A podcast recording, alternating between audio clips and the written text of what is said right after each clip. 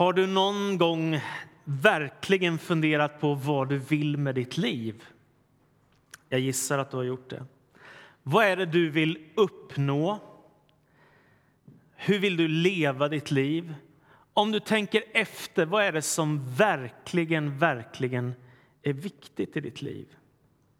Och om du har några saker som verkligen är viktiga i ditt liv, hur ska du göra för att uppnå dem målen som du sätter för ditt liv? Hur ska du ta vägen dit? Det finns ju också tvärtom, va? många sätt att kasta bort sitt liv, eller hur?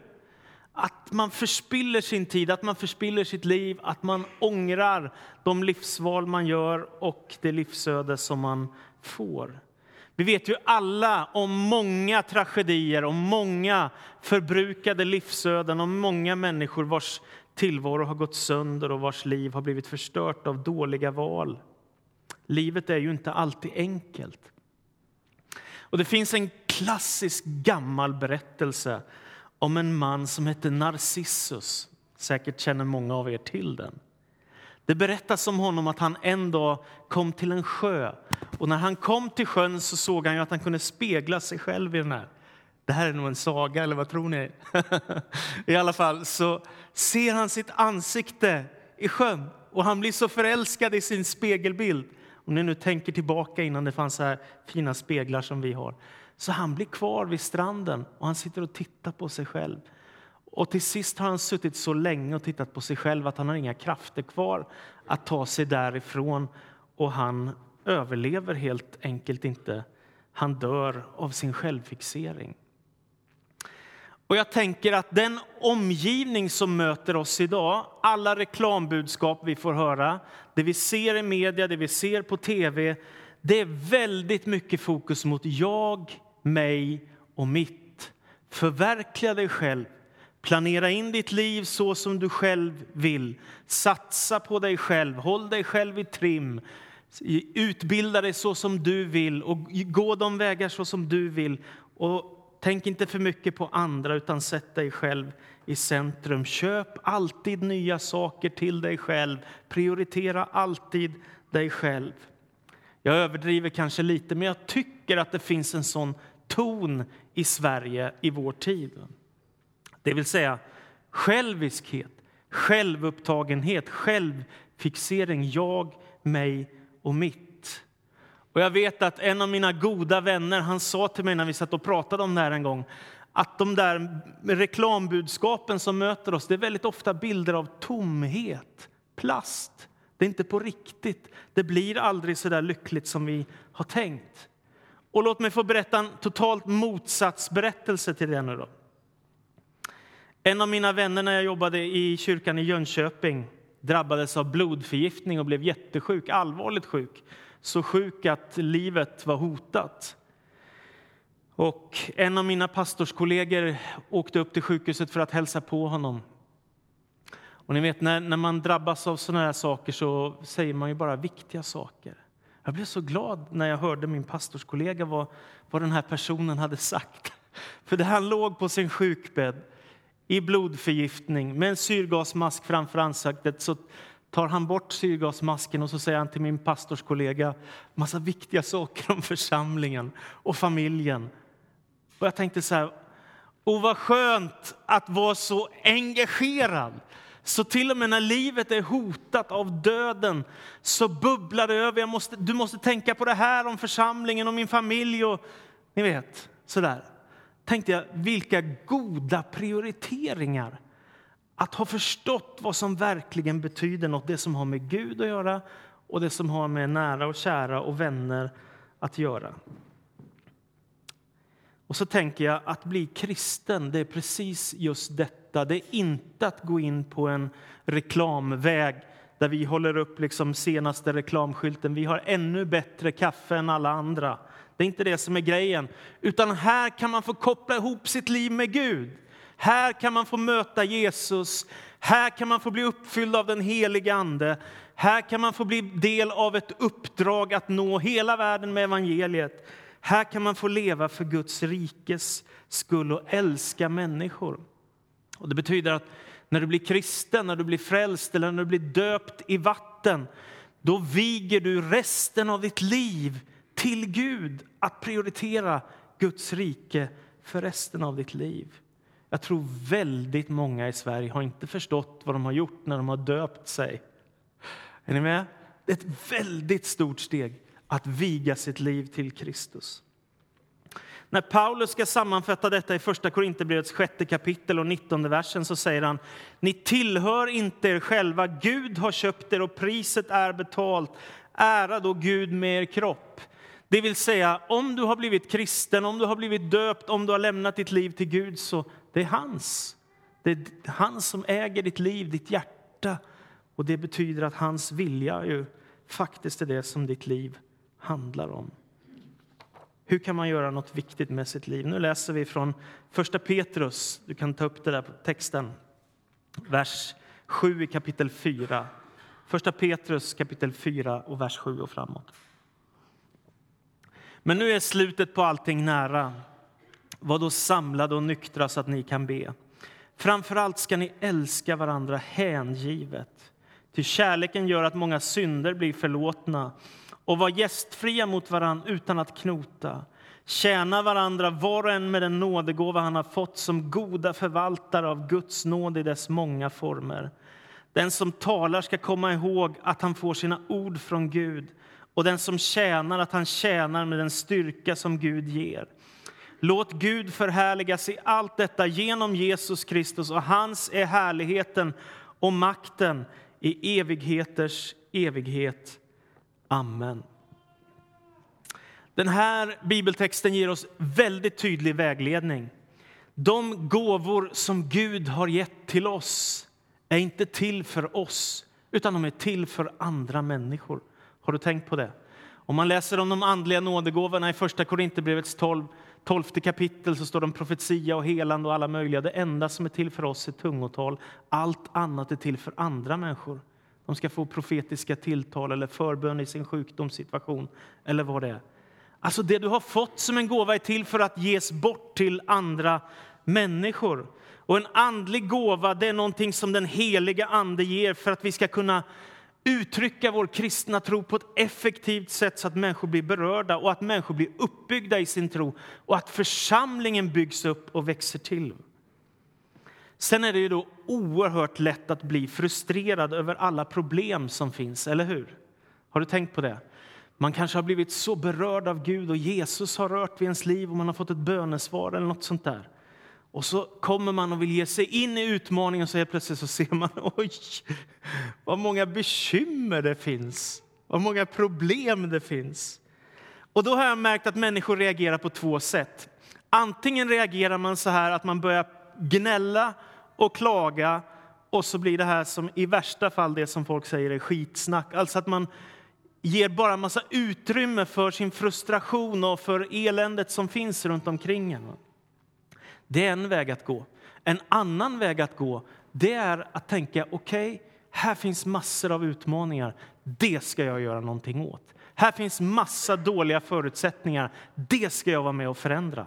Är ni med? Och det gör jättestor skillnad vilka beslut du fattar med ditt liv. Om du ska vara med och hjälpa till eller om du står bredvid och säger att det där är inte bra och det kommer aldrig bli något och oj, oj, oj. Typ så. Gud har tänkt att du skulle bli till välsignelse för andra människor och han har gett dig gåvor som han vill använda i sitt rike och som du faktiskt kan ställa till hans förfogande. Därför så vill jag skicka med några ord som jag tycker också är viktiga. På 1500-talet levde en väldigt viktig präst och han hette Martin Luther. Och Martin Luther han insåg många viktiga saker. Bland annat så kom han på tanken när han läste Nya testamentet att alla som har blivit döpta är ju faktiskt del av Guds folk och är präster åt Gud. Så det började Luther kalla för det allmänna prästadömet. Det vill säga, det är inte bara en eller några som är pastorer eller präster, utan i kyrkans värld, när det är som det verkligen ska, då är alla präster. Är ni med? Alla ber till Gud. Alla läser hans ord. Alla är med i tjänst och överlåter sig till honom och till hans rike. Det kom Luther på. Och så sa han, det kan ju inte bara vara så att det är några få som ska göra allt arbete, utan alla måste vara och hjälpas åt och hjälpa till. Och det talade han om det allmänna prästadömet. Det andra han sa med detta, det var att vi tjänar Gud hela tiden med vårt liv om vi är kristna. Det är det som är tanken. Det vill säga att den som är trädgårdsmästare eller bonde eller på hans tid husfru eller vad man nu var för någonting. Alla utför gudstjänster och den som predikar eller sjunger i kyrkan utför också en gudstjänst. Är ni med på tanken? Det är inte så bara att det är här som vi har gudstjänst, utan vi har gudstjänst 24-7, alltså hela tiden pågår det gudstjänst i ditt och mitt liv, om det är som det ska. Och Gud har gett dig gåvor. Det betyder att du kan få använda dina gåvor i tjänst för hans rike, inte bara här i församlingen utan också på ditt arbete, på din skola eller där du är hemma med dina vänner kan Gud använda dig. I Romarbrevets 12 kapitel och 6 vers så står det att vi har fått olika gåvor allt efter den nåd vi har fått. Och så räknar Paulus upp sju olika gåvor. Profetisk gåva, det är någonting alldeles fantastiskt. När människor söker sig nära Gud för att höra hans röst och så får man tilltal och så får man förmedla det till andra människor. Och så får människan en hälsning från Herren, ett profetiskt tilltal, ett ord från Gud rakt in i sitt vardagsliv. Det är fantastiskt. Låt mig bara ta några exempel.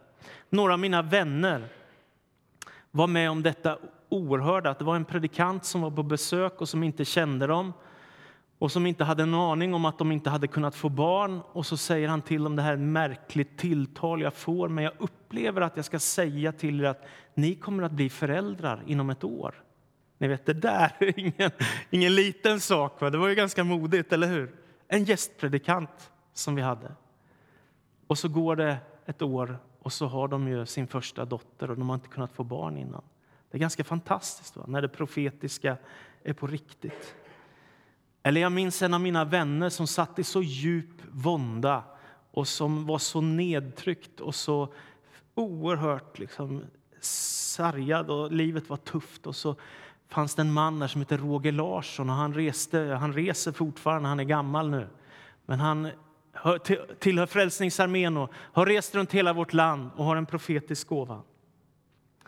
Och han kom och så sa han, han gick förbi oss och så sa han, nej men jag ser ju på dig att, att Gud behöver röra vid ditt liv, att du är tyngd. Och så kommer han fram och så lägger han händerna på min vän och så säger han, nu händer något märkligt. Gud befriar dig just nu i den här stunden och han talar in i ditt liv. Och så här låter det, sa han. Och så sa han,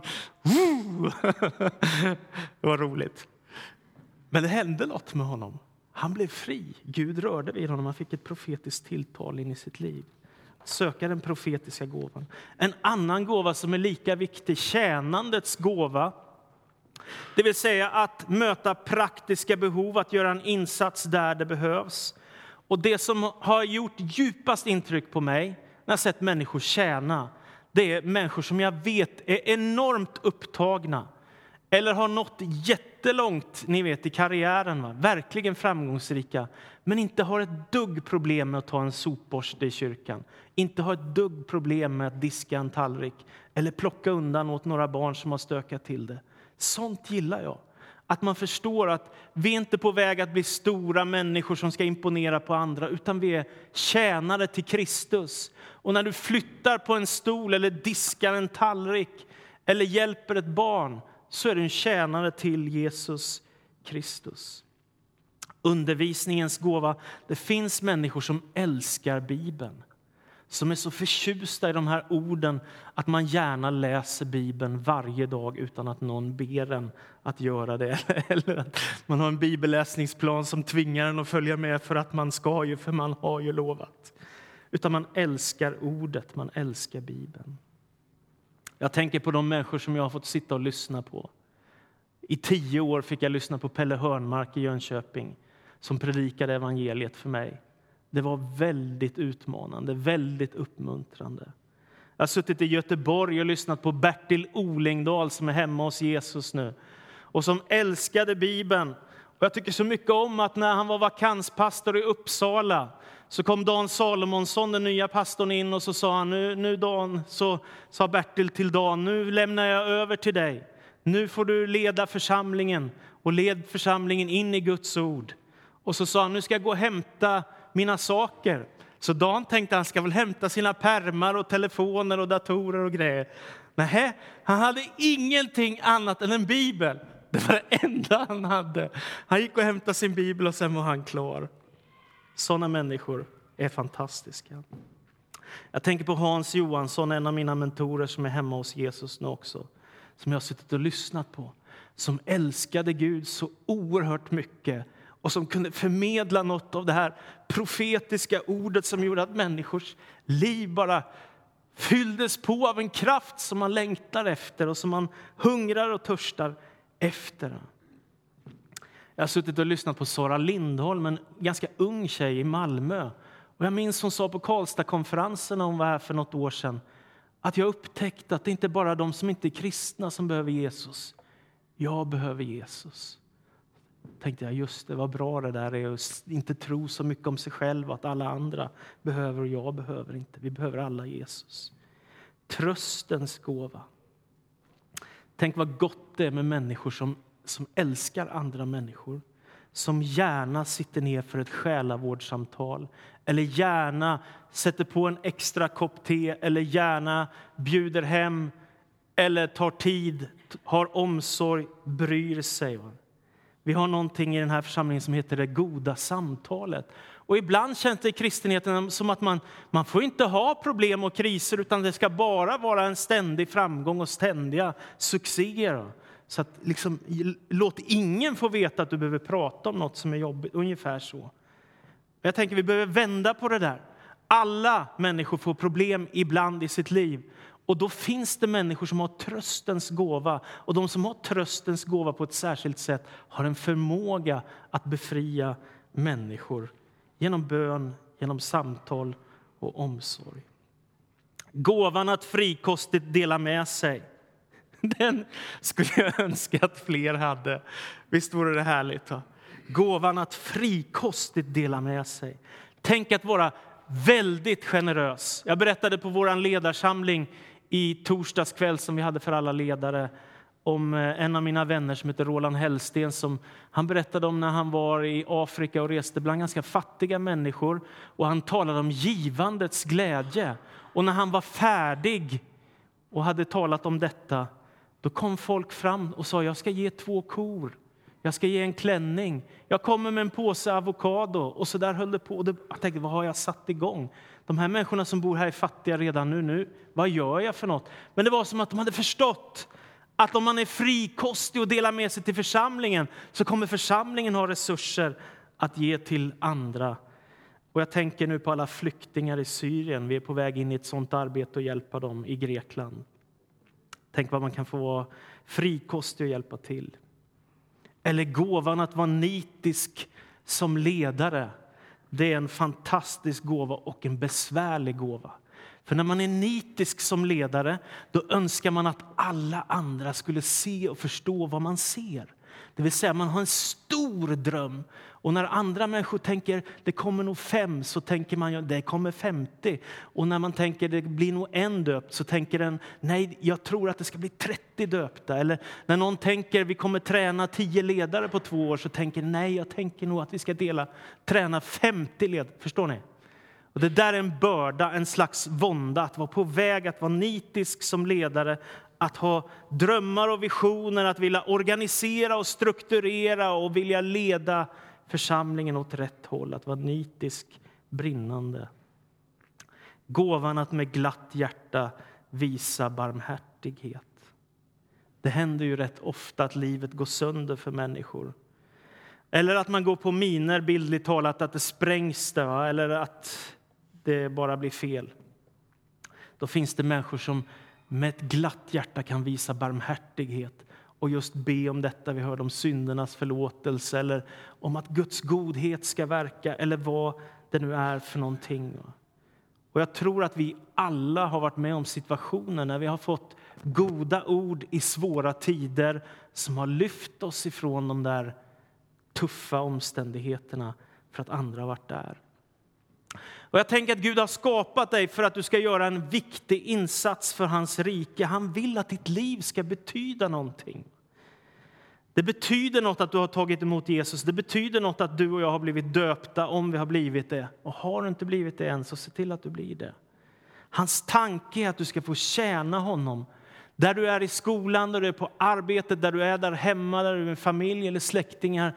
Att du skulle vara en Kristusdoft, att det doftar Jesus om dig. Och det kan det göra om du använder de gåvor som han har gett dig i tjänst för hans rike och i din vardag.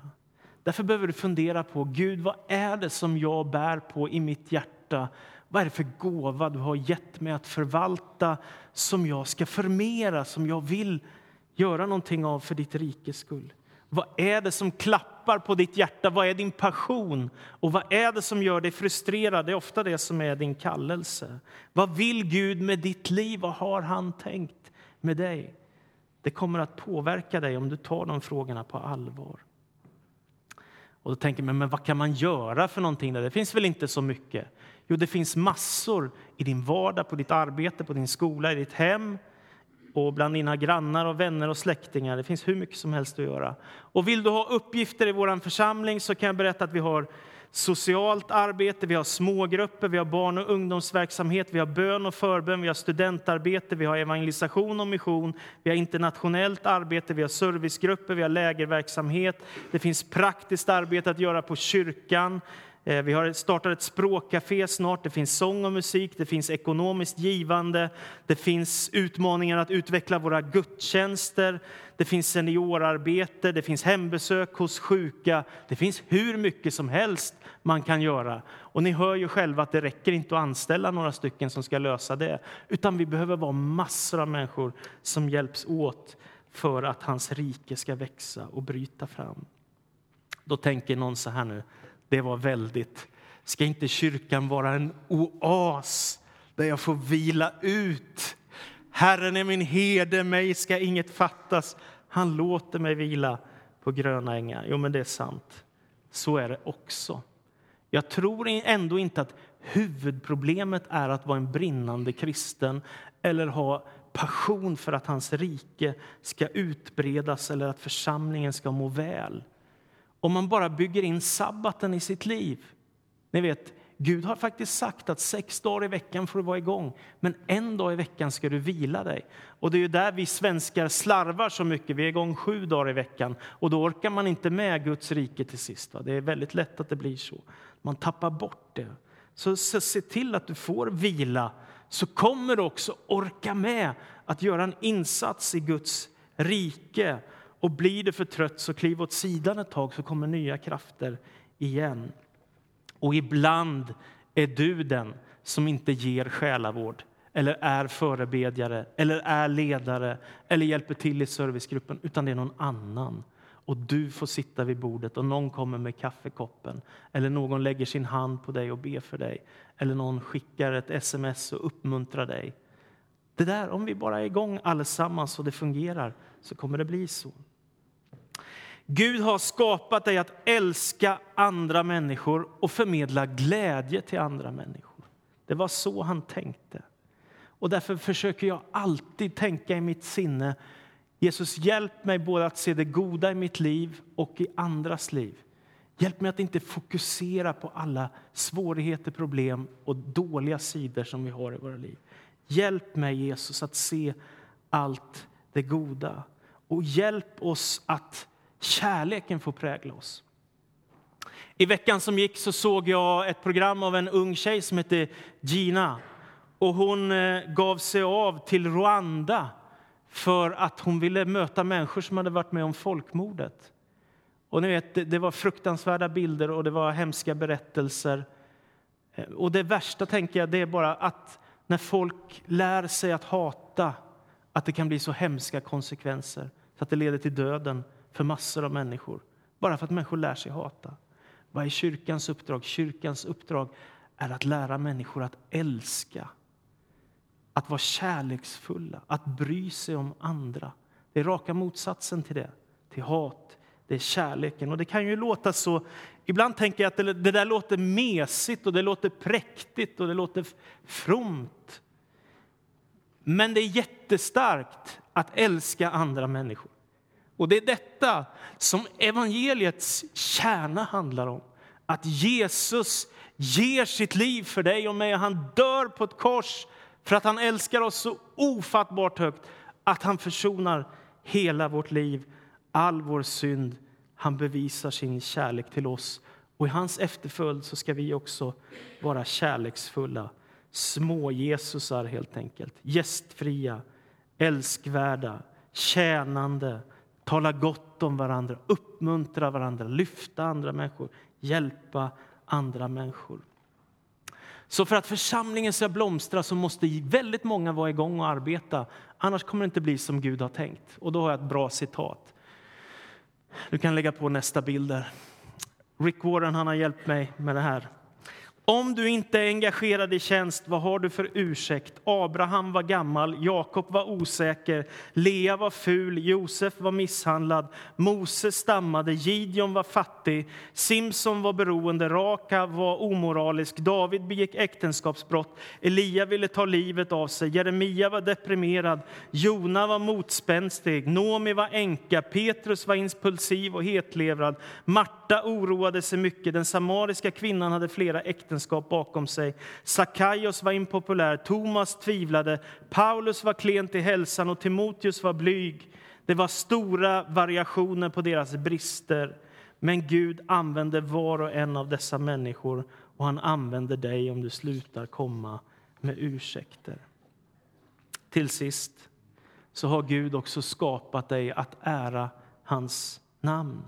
Det står i den här bibeltexten som vi har läst idag.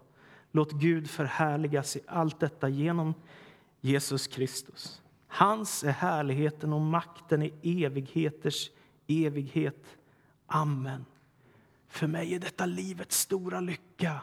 Inte att jag ska bli ärad eller att du ska bli ärad eller att springa runt kring populära människor utan att hans namn och hans rike och hans härlighet och hans kärlek och hans ära. Det är det som det handlar om. I veckan som gick så var jag på Bjärka Säby som ligger utanför Linköping, ett oerhört vackert slott. En miljö som Pingstkyrkan i Linköping fick i början på 80-talet för en krona. en sån här mirakel. Och I alla fall så var vi där ett antal pastorer och teologer från pingströrelsen och vi var samlade för att, dels för att vi jobbar med en bok om frälsning och omvändelse men också för att vi skulle få möta en som håller på att översätta Nya testamentet, en ny bibelöversättning. De har börjat med en provöversättning nu. Och det var jättespännande. Vi satt och lyssnade och man blir så fascinerad över Bibeln, hur intressant det är. Och så var det lite andra typer av ordväxlingar liksom på samma texter som man har läst så många gånger förr. Och det blir jättespännande. Man tänker, hur ska, man, hur ska det stå för att komma så nära grundtexten som möjligt? Och hur uttrycker sig egentligen Jesus och Paulus? och ni vet de där stora frågorna. Så I alla fall på ett ställe så hade han översatt orden där det stod de som söker tom ära. De som söker tom ära. Så står det inte i den här översättningen, utan det är en ny översättning. Men det betyder samma sak ungefär som i den gamla, fast med andra ord. Jag tänkte ja, men det är det som den här världen lurar oss med. Att ge uppmärksamhet åt människor som är kändisar och idoler. Att hålla på att ägna massor av tid åt massa människor vi beundrar istället för att tjäna människor som har det svårt. Att tänka, tänk om jag kan få framgång och jag kan... Istället för att tänka på andra människor och tänka på Guds ära. Jag tänker att Gud är så stor att det är ett oerhört privilegium att få leva i gemenskap med honom. Att få älska honom och få vara älskad av honom. Att det är det mest meningsfulla, och givande och tillfredsställande som en människa kan ägna sig åt. Att leva för Jesus. Det tycker förmodligen väldigt många svenskar att det är fullständigt galet. Och ändå är det detta som kyrkan har predikat och fortsätter att predika i årtusende. Jesus är vårt liv. Amen. Tack Gud för att du vill hjälpa oss att göra viktiga saker, meningsfulla saker, saker som sätter sig och får betydelse, inte i en kvart, inte en halvtimme, inte en dag, utan ett liv. Och Gud, det är min bön att vi skulle få sätta såna avtryck, Herre. Du vet vår vånda över ett sekulariserat samhälle, ett avkristnat samhälle där så många dyrkar annat än dig, Herre. Där så många springer efter annat än ditt rike. Och jag ber att du skulle ge oss nåden att vi får vara på väg åt ett annat håll, Jesus. Och att vi får lyckas locka med oss några fler på den resan. Att leva för dig, för din ära, för ditt namn, för din härlighet. Ja, det är min bön, Herre. Och jag ber att du ska göra något med detta i Karlstad, Herre. Ännu mycket mer, långt mer än vad vi har sett. Hör vår bön, Herre. Amen.